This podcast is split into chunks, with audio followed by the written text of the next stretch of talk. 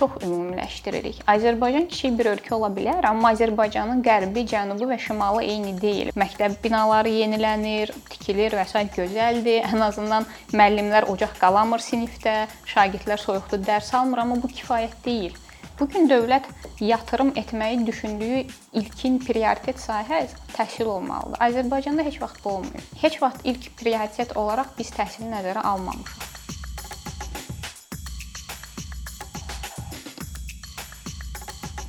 Sizin biz tanıyırıq Kitab Gəzər layihəsindən əsasən və artıq 2 ilə yaxındır siz bu layihədə regionlara gedərək müəyyən təlimlər keçir, seminarlar keçir və eyni zamanda fəaliyyətinizi daha çox regionda yaşayan və təhsil alan gənclərə fokuslandırırsınız. Yəni onları onların mərkəzində iş görürsüz. Əvvəlcə bilmək istəyərdik ki, ümumiyyətlə sizin bu layihəniz hansı zərurətdən yaranıb? Hı -hı. Mən də sizi bir də bütün əkinçi izləyicilərini salamlayıram. Uğurlar arzu edirəm. Çox faydalı işlər görürsüz. Başlayaq elə Kitab Gəzərin yaranma hekayəsindən. Əsas səbəblərdən biri belədir ki, mən özüm də rayonda və bir sərhəd kənddə böyümüşəm. Hardasa 2007-ci ilə qədər. Sonra biz ailəvi məsələlərdən köçmüşük Bakıya. Və mən təhsilimlə bağlı daha sonra getdim xaricə, ölkəyə qayıtdım və xaricdə olanda başa düşdüm ki, mən əslində ölkəmizi heç də tanımırmışam. O necə ki bir şey gözün qabağında olanda sən onu maraqlanmırsan, elə bir məsələ idi və başladım rayonları gəzməyə. Məqsəd həm o idi ki, mən gedim tarixi abidələri tanıyım, təbiəti görüm, həm də ki insanlarımızı tanıyım. Belə bir səfərlərdən biri idi 2019-cu ildə mən İsmayıllıdaydım. Orda balaca bir qızla biz qarşılaşdıq. Onların evində yemək yeməli idik və həmin uşaqla biz başladıq nəsə yazmağa və s. istədim ona nəsə hədiyyə eləyim və çantamdan bir əlfəcin çıxartdım, verdim ona. O uşağın üzündəki o sevgi, biraz ə, təəccüb mənə həqiqətən xatırlatdı ki, 10 il əvvəlki vəziyyət mən düşünürdüm ki, dəyişib, amma əslində heç il dəyişməyib. Hətta mən gördüm ki, Azərbaycanın elə rayonları, elə kəndləri var ki, vaxtı ilə 10 il əvvəl bizim yaşadığımız problemlərdən daha ağırını yaşayırlar cari halda. Sadəcə olaraq mən və mənim kimi Bakının mərkəzində yaşayan, işləyən şəxslər bunu görməzdən gəlir və unudub. Çünki biz o yerlərə getmirik və elə bilirik ki, həyat burdakı kimidir. Elə İsmayıldan qayıdandan 3 və yaxud 4 gün sonra artıq kitab gəzər layihəsinin təməli qoyulmuş oldu. Təbii ki, bunun kökündə bir çox məsələ var, amma sırf o an və o uşaqla qarşılaşma bir təkan oldu ki, layihə başlasın. Və kitab gəzərdən sonra mənim və bizim komandanın bir çox sosial layihələri başladı. Mən kitab gəzəri bəzən digər layihələr üçün bir açar, bir qapı kimi görürəm. Çünki kitab gəzər sayəsində biz təhsil sahəsinə girdik müəllimləri gördük, şagirdləri gördük, valideynləri, yerli əhalini, gəncləri və problemlərin birbaşa içində olmağa başladıq. Demək olar ki, mənim ilimin yarısı Bakıda keçirsə, yarısı rayonlarda keçir mütəmadi olaraq. Ona görə regiondakı problemləri daha yaxşı görə bildik bu layihə sayəsində. Biz kəndlərə gedəndə, təhsil müəssisələrinə baş çəkəndə, e, oradakı vəziyyət e, doğrudan daha ağır görünür. Nəinki biz şəhərdə oturub Bakı danışanda, çünki bəzi məktəblər e, ya 5-ci sinifə qədər fəaliyyət göstərir, yalnız ibtidai təhsil var və ya rayon məktəblərinə gəlmək hər kənd üçün siz də bilirsiniz ki, asan olmur və s. və axır həmçinin mədəniyyət evləri olur, hansı ki, onlar hər zaman fəaliyyət göstərmirlər və yaxud da ora maraq olmur. Biz bu problemləri saydığımız və bundan bizim görmədiyimiz və davam edən problemləri e, necə dəyişə bilərik və ümumiyyətlə e, hansı islahatlar lazımdır dövlət səviyyəsində? Hı -hı. Belə yanaşaq məsələyə. Mənə görə bu problemlərin hamısını əslində sadəcə dövlət yox, 3 aspektdən yanaşmaq lazımdır. Dövlət səviyyəsində nə etmək olar? Özəl sektorun burada rolu nədir? Vətəndaş cəmiyyəti burada nə etməlidir? Dövlət səviyyəsində problemlərdə bir çox məsələ var, hansı ki, böyük ali təhsil müəssisələridir, güvənilən təhsil müəssisələridir, digər obyektlərdir, dövlət qurumlarıdır, hamısı paytaxtda yerləşir. Avtomatik olaraq bir kənddə və yaxud rayonda böyüyən uşaq təhsil alıb Bakıya axın etməyə başlayır.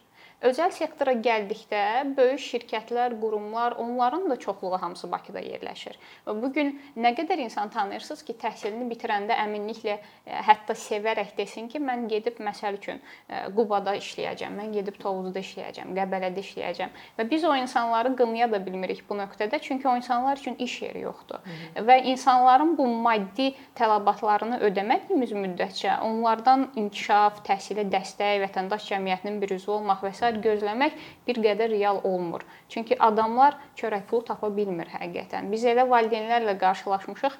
Yəni mən bilirəm ki, bu adam qızını göndərə bilmir məktəbə. Çünki bilirsiniz, bu bəzi yerlər var ki, çox maldarlıqla məşğul olurlar, alternativləri yoxdur. Qış vaxtı onlar qışlağa gedir, uzaq məsafə. Və bu adam məcburdur ki, öz övladını özü ilə aparsın. Hı -hı. Və sən bu adama mən kitab gəzərin təmsilçisi olaraq gedib, siz necə olur bu qızı təhsildən yayındırırsınız, onu qoymalısınız, oxusun deyə bilmərəm. Ya mən orada qalıb o qıza baxıb onun arxasında dayanmalıyam, e, o adama mən iş tapmalıyam orada və problemlərini həll etməliyəm, ya da ki, e, izah da edə bilərəm, amma bilirəm ki, o insanın bundan başqa çarəsi yoxdur. Bu nöqtədə həm dövlət işsizlik məsələsi ilə məşğul olmalıdır, həm özəl sektorda buna ciddi yanaşmalıdır. Vətəndaş cəmiyyətinə gəldikdə isə Əslində bu gün kitab gəzər kimi fərqli sahələrdə olan bir çox layihələr var. İstər e, bu ucqar kəndlərə ekoturizm, e, ekoaktivistlər olsun, onlar dəstək göstərməyə çalışırlar. Hər hansı bir məktəbdə problem olduqda, kəndin strukturunda problem olduqda ya da bizim kimi adamlar. Məsələn, mən 2 il ərzindəki fərqi sizə deyim. İllər əvvəl əgər insanlar bilmirdisə ki, Filan rayonun Ucqar kəndində məktəb yoxdur. Filan rayonun Ucqar kəndində erkən nigah var və s. kitab gəzər kimi komandalar və komanda üzvləri bu problemləri ortaya çıxarmağa başladı. Çünki biz ora getdik və onu gördük. Bəlkə bir foto şəkillə, bəlkə bir mətnlə başladıq bunları paylaşmağa və insanlara çox maraqlı olmağa başladı. Əvvəllər insanlar sadəcə istəyirdi ki, müəyyən miqdarda dəstək olsunlar və sən gedib onu çatdırarsan, Bu yaxınlarda bizim bir sevinç payı kampaniyamız e, yekunlaşdı. Yeni ildə uşaqlara hədiyyə apardıq. Bəlkə 50-yə yaxın insan birbaşa mənə yazdı ki, mən də o prosesdə iştirak etmək istəyirəm. Mən də o uşaqları görmək istəyirəm. E, bu yanaşma çox maraqlıdır. Şəhərdə də, kənddə də olanlar mütəmadi olaraq məişət problemlərinin içərisindədir. Hı -hı. Və siz o insanlara desəz ki, filan kənddə erkən nigah problemi var, gəl gedək onu həll edək, əminəm ki, 2 və yaxud 3 nəfəri çətinliklə taparsınız. Amma siz desəz ki, mən uşaqlara hədiyyə aparacağam, gör necə sevinəcəklər orada, yaxşı bir aura formalaşacaq, onda bu insanların sayı 50-yə qalxacaq. Yəni insanlara nə isə təklif eləyəndə də onların bütün bu yanaşmaları, psixologiyanı nəzərə almaq lazımdır. Sadəcə problemləri göstərməklə heç nəyi həll etmək olmur. O insanların üzündəki xoşbəxtliyi də göstərmək lazımdır. Bəlkə də kitab gəzər və bənzəri layihələrin e, tanınması və yaxud uğurlu olmasının səbəbi uşaqların sevincini insanlara çatdırmamızdır. Çünki bu layihələr həm orada, həm də şəhərdə yaşayan insanlara xoşbəxtlik gətirməyə başlayır bəsit səslənə bilər, amma dövlət səviyyəsində bu başa düşülməlidir ki, bu gün dövlət yatırım etməyi düşündüyü ilkin prioritet sahə təhsil olmalıdır. Azərbaycanda heç vaxt bu olmayıb. Heç vaxt ilk prioritet olaraq biz təhsili nəzərə almamışıq və təhsillə bağlı həyata keçirilən hər hansı layihələr və yaxud proqramlar və s. bunların kökündə dayanan digər bir problem də odur ki, cari halda qərarverici və yaxud resursları təmin edən yerlərdə olan insanlar işini bilməyən insanlardır. Mütəxəssis çatışmazlığı var Azərbaycanda. Mən cari halda məktəblər və regionlardan danışmıram. Bakıda regionlara fokuslanan işləri həyata keçirən insanlardan danışıram. Hansı ki bu adamlar işini bilməyən, bəlkə də adam başqa bir sahədə uğurlu ola bilər, amma adam təhsil adamı deyil və mütəxəssis deyil bu sahədə. Avtomatik olaraq onun verdiyi qərarlar effektiv olmayacaq. Digər bir məsələ odur ki, biz çox ümumiləşdiririk. Azərbaycan kiçik bir ölkə ola bilər, amma Azərbaycanın qərbi, cənubu və şimalı eyni deyil və insanların psixologiyası tamam fərqlidir. E, bu gün biz inklüziv təhsildən danışırıq, fərdiləşmədən danışırıq ki, biz şagirdə fərdi yanaşmalıyıq, amma təhsil sistemimiz sanki bir kvadratdır və biz onu hər yerə belə otuzdurmağa çalışırıq. Bu belə olmaz. Digər tərəfə gəldikdə isə bəli layihələr həyata keçirilir və s. pullar ayrılır bunun üçün. Sadəcə olaraq sual vermək lazımdır, bu layihələr nə qədər nəticə yönümlüdür. Məsəl üçün 2 il bundan əvvəl həyata keçirilmiş bir layihənin nəticələrini ələ alıb kimsə bir hesabat hazırladımı, o hesabata əsasən təkliflər hazırlandımı, bu ə, e, Təhsil Nazirliyi səviyyəsində ə, e, sual olundumu ki, biz bu təkliflərdən hansını həyata keçirə bilərik və təkliflər həyata keçirilib hansı nəticə əldə edildi.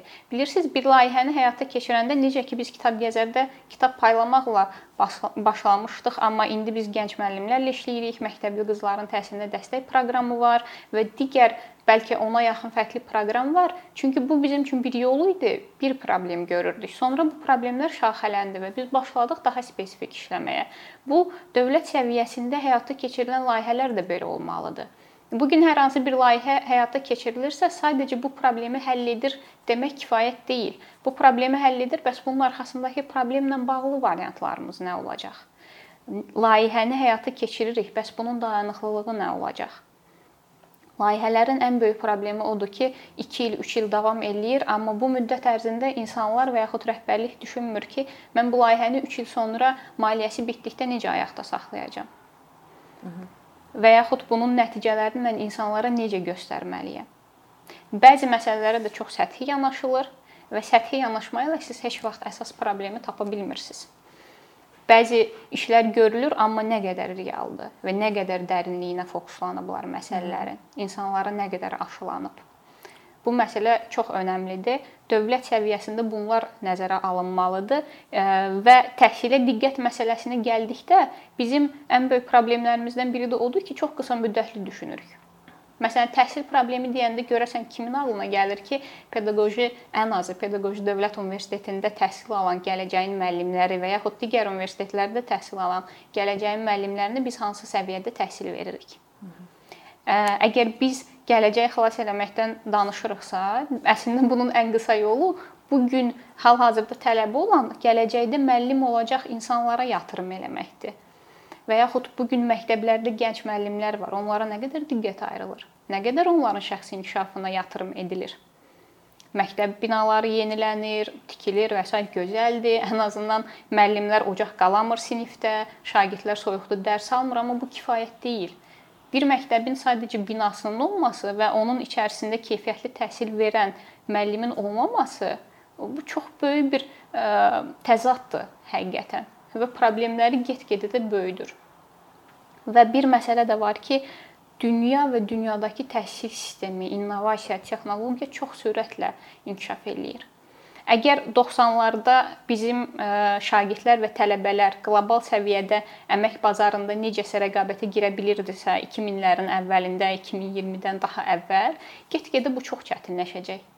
Ya siz düşünün ki, Yaponiyada və yaxud ABŞ-da hər hansı bir ölkədə 10 e, yaşında bir uşaq hansısa dronu necə quraşdırmalıdır, hansı robotun mexanizmi nədir, bundan danışır. Onu müzakirə eləyir, yarışlarda iştirak edir. Astaranın Diqo kəndindəki uşaq fikirləşir ki, mən məktəbə necə gedəcəm. O uşağın valideyni fikirləşir ki, mən övladımı müəyyən yaşdan sonra hansı kollec və yaxud universitetdə görəsən oxutmalıyam, oxutmalıyam. Yox, hansı universitet layiqdir ki, mənim bu bilikdəki övladım getsin orada oxusun? Bizdəki valideyn düşünür ki, mən necə eləyim ki, mənim kəndimdə məktəb ibtidai sinifdir. Mərkəzdə qədər olan məsafə saat yarımdır dağ maşınları ilə. Və mən necə eləməliyəm ki, mənim övladım təhsili yarımçıq qalmasın? Hı -hı. Və nə qədər valideyn bu sualı verir, bu da artıq özü böyük sualdır. Hı -hı. Nəticədə ikisi arasındakı uçurum həqiqətən çox böyükdür. Bunu fikirləşmək lazımdır ki, normalda 30 ildə, 100 ildə olan dəyişiklik indi 2 il sonra kim qarantiya eləyir ki, texnologiya və yaxud təhsil innovasiya sahəsi hansı e, vəziyyətdə olacaq dünyada? Və Azərbaycan ölkə olaraq bunun çox-çox gerisindədir. Bizim babalarımızın, nənələrimizin aldığı təhsil və yaxud materiallardan biz istifadə edirik.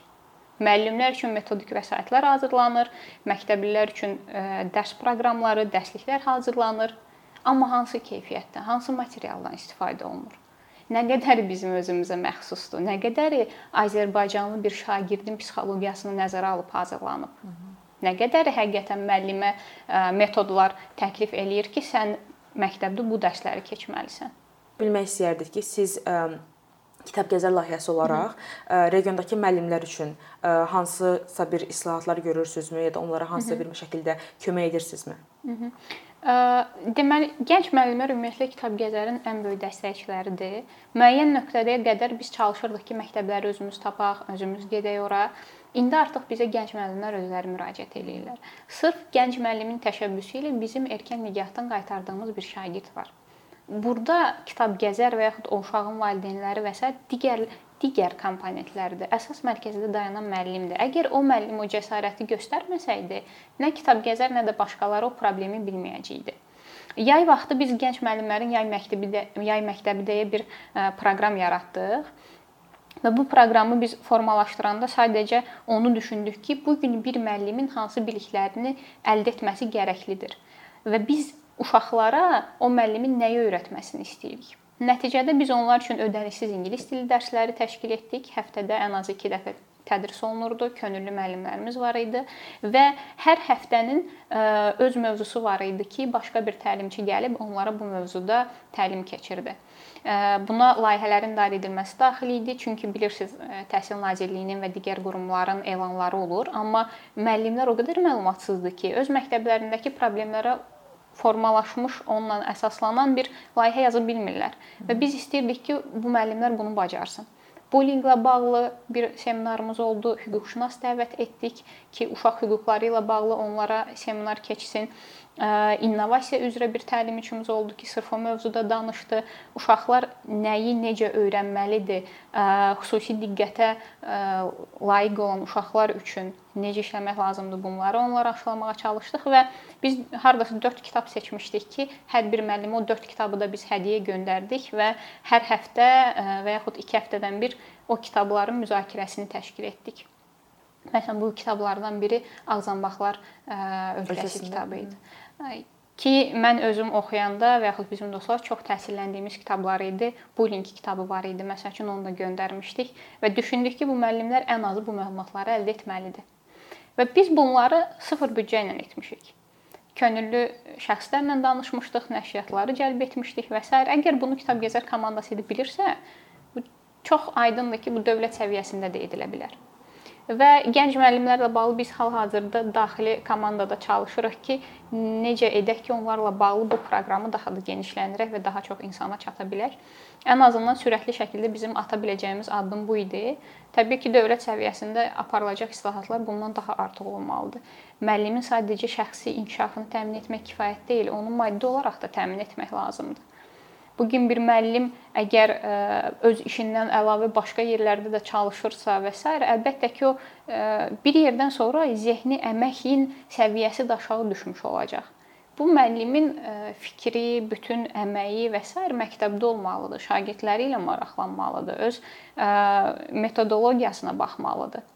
Və bir də ki, son dövrlərdə biz qarşılaşırıq gənc müəllimlərə və ümumiyyətlə gənc və sair fərqi yoxdur. Məktəbdə çalışan şəxslərə o qədər sənədləşmə məcburiyyəti gəlib ki, adamlar gecə yarılarına qədər oturub o sənədləri doldurmaqla məşğuldur. Halbuki o vaxtda şagirdə mən necə faydalı ola bilərəm üstündə fikirləşsə, təhsil sistemində yaxşı bir dəyişiklik olardı. Nəinki o sənədləşmə ki, bu yalnız təhsil sahəsində deyil, istənilən dövlət qurumunda o bürokratiya, o sənədləşmə əməkdaşların həqiqətən effektivliyini daha da aşağı salır. Hı -hı. Siz danışdıqca cavablarınızda artıq biz Kitab Gəzər layihəsinin indiyə kimi nələr etdiyini və nələrə belə deyək, təsirinin, təsir gücünün olduğunu, bu təsir gücünün nə qədər böyük və geniş olduğunu anlamış olduq. Amma bir də istərdim sizin dilinizdən tam olaraq dəqiq o cavabı ala bilim ki, sizin başladığınız vaxtdan bu vaxta qədər hansı təsirləriniz olub? Siz özünüz müşahidə etmisiniz və yaxud da sizə gələn geri dönüşlər bu cür olub? Aha. Nəticələr bir çox yerdə biz görməyə başlamışıq əslində. Mənə görə desəz ən böyük nəticəni mən nə vaxt görürəm? Hansı ki təhsil almasına icazə verilməyən uşaqlar var idi və yaxud özünün potensialına inanmayan uşaqlar var idi. Onlar hal-hazırda universitetdə təhsil alırlar. Və ə, hər dəfə biz artıq onlara tələbə təqaüdü verməyə başlamışıq. Məsələn, bu da bu il başlatdığımız bir məsələdir. 9-cu sinifdən, 10-cu sinifdən tanıdığımız uşaqlardan hansı ki, bütün prosesdə yanlarında olmuşuq. Bundan sonra da olacağıq onsuz da tələbəlik müddətində də. O uşaqların universitetdəki təhsilləri, onlardan bizə gələn şərhlər, daha kiçik yaş qrupu abituriyentlərimiz var, onların biz xərclərinə dəstək oluruq. Ailələrlə sosial işçilərimiz və psixoloqlarımız işləyir. Ümumiyyətlə bir problemə fokuslananda maksimum çalışırıq ki, ona hər aspektdən yanaşa bilək. Onlardan, onların valideynlərindən gələn şərhlər bizim üçün çox əhəmiylidir. Görürük ki, yerində çox böyük dəyişikliklər var. Həqiqətən bizim himayəmizdə olan elə qızlar var ki, cari halda Siz onların həyat hekayəsini oxuyanda bilirsiniz ki, əgər bu an siz onun həyatına təsir eləməsəz, bu insan ya erkən nigaha gedəcək, ya da alternativ başqa bir yola gedəcək, hansı ki, orada müsbət heç nə yoxdur. Artıq o nöqtələrdəki təsirləri görəndə dayanıb dersən ki, okey, biz yaxşı ki başlamışıq. Gənc müəllimlərə gəldikdə, necə ki deyirəm, əvvəl biz özümüz əziyyət çəkirdik ki, o məktəbləri tapaq, onlara müraciət eləyək. Dəfələr olub ki, məktəblər icazə verməyib bizə və yaxud qəbul etməyiblər. Hətta getmişik məktəbə, oradan bizə geri zənglər olub başqa bir qurumlardan ki, siz hansı kitabları aparmısınız və s. Sadəcə biz həmişə ehtiyatla davranmışıq. İşlədiyimiz nəşriyyatlar da bəllidir, kitabları da xüsusilə seçirdik və heç vaxt bir qorxumuz olmayıb ki, kimsə gedib o kitablarda nəsə tapa bilər. Artıq görəndə ki, məktəblər özü bizi bizə müraciət etməyə başlayıb. Bu da başqa bir göstəricidir layihəyə müraciət edən könüllülərin sayı kəskin şəkildə artıb. Əvvəl biz özümüz elan verib insan cəlb etməyə çalışırdıq. İndi demək olar ki, hər həftə bizə müraciətlər gəlir ki, biz könüllü olaraq fəaliyyət göstərməyə çalışırıq, istəyirik. Apardığımız kampaniyaları əvvəl hədəf qoyurduq, ona çatmaq üçün çətinlik yaşayırdıq. İndi o hədəfləri ən azı 2 dəfə keçirik. Nə vaxt hədəf qoysaq, onun ən azı 2 qat daha yuxarı bir nəticə vermiş olur. Bu da başqa bir nəticədir. Və digər məncə ən gözəl nəticəsi odur ki, kitab gəzərin daxilində olan xırda proqramlar mən inanıram ki, zamanla başqa bir böyük layihələrə çevriləcək. Məsəl üçün biz cari halda planlayırıq ki, əgər bu il hər şey qaydasında getsə, növbəti ildə məktəbli qızların təhsilinə dəstək proqramı özü fərdi bir layihə olaraq davam eləsin. Bu artıq mənə görə kitab gəzərin ən böyük nəticələrindən və uğurlarından biri olacaq.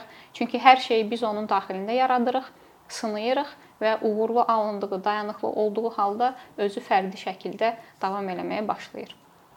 Çox sağ olun Fatma xanım, bu gün gəldiyiniz üçün. Ümid edək ki, bizdə Kitab Gəzər layihəsi yalnız öz adından yox, tərkibində olduğu digər kiçik və daha sonradan böyümüş layihələrlə tanınar və öz məqsədinizə çatmaqda və kimlərin səhhətinə toxunub onları müsbət dərəcədə dəyişməkdə davam eləyərsiniz. Çox sağ olun bu gün gəldiyiniz üçün.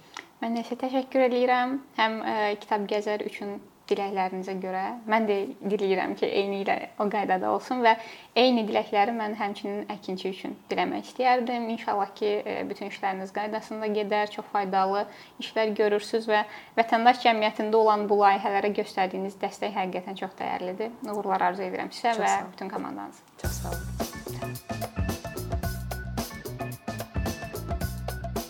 Bir neçə ildir ki, əkinçi olaraq azərbaycanlı izləyicilərin hər zaman faydalana biləcəyi keyfiyyətli və ən əsas ödənişsiz kontent hazırlamağa çalışırıq. İndiyədək təqdim etdiyimiz onlarla animasiya və yüzlərlə çəkilişlər tələbələrin, mütəxəssislərin, müəllimlərin və ümumiyyətlə yeni mövzulardan xəbərdar olmaq istəyən çox sayda insanın marağına səbəb olub.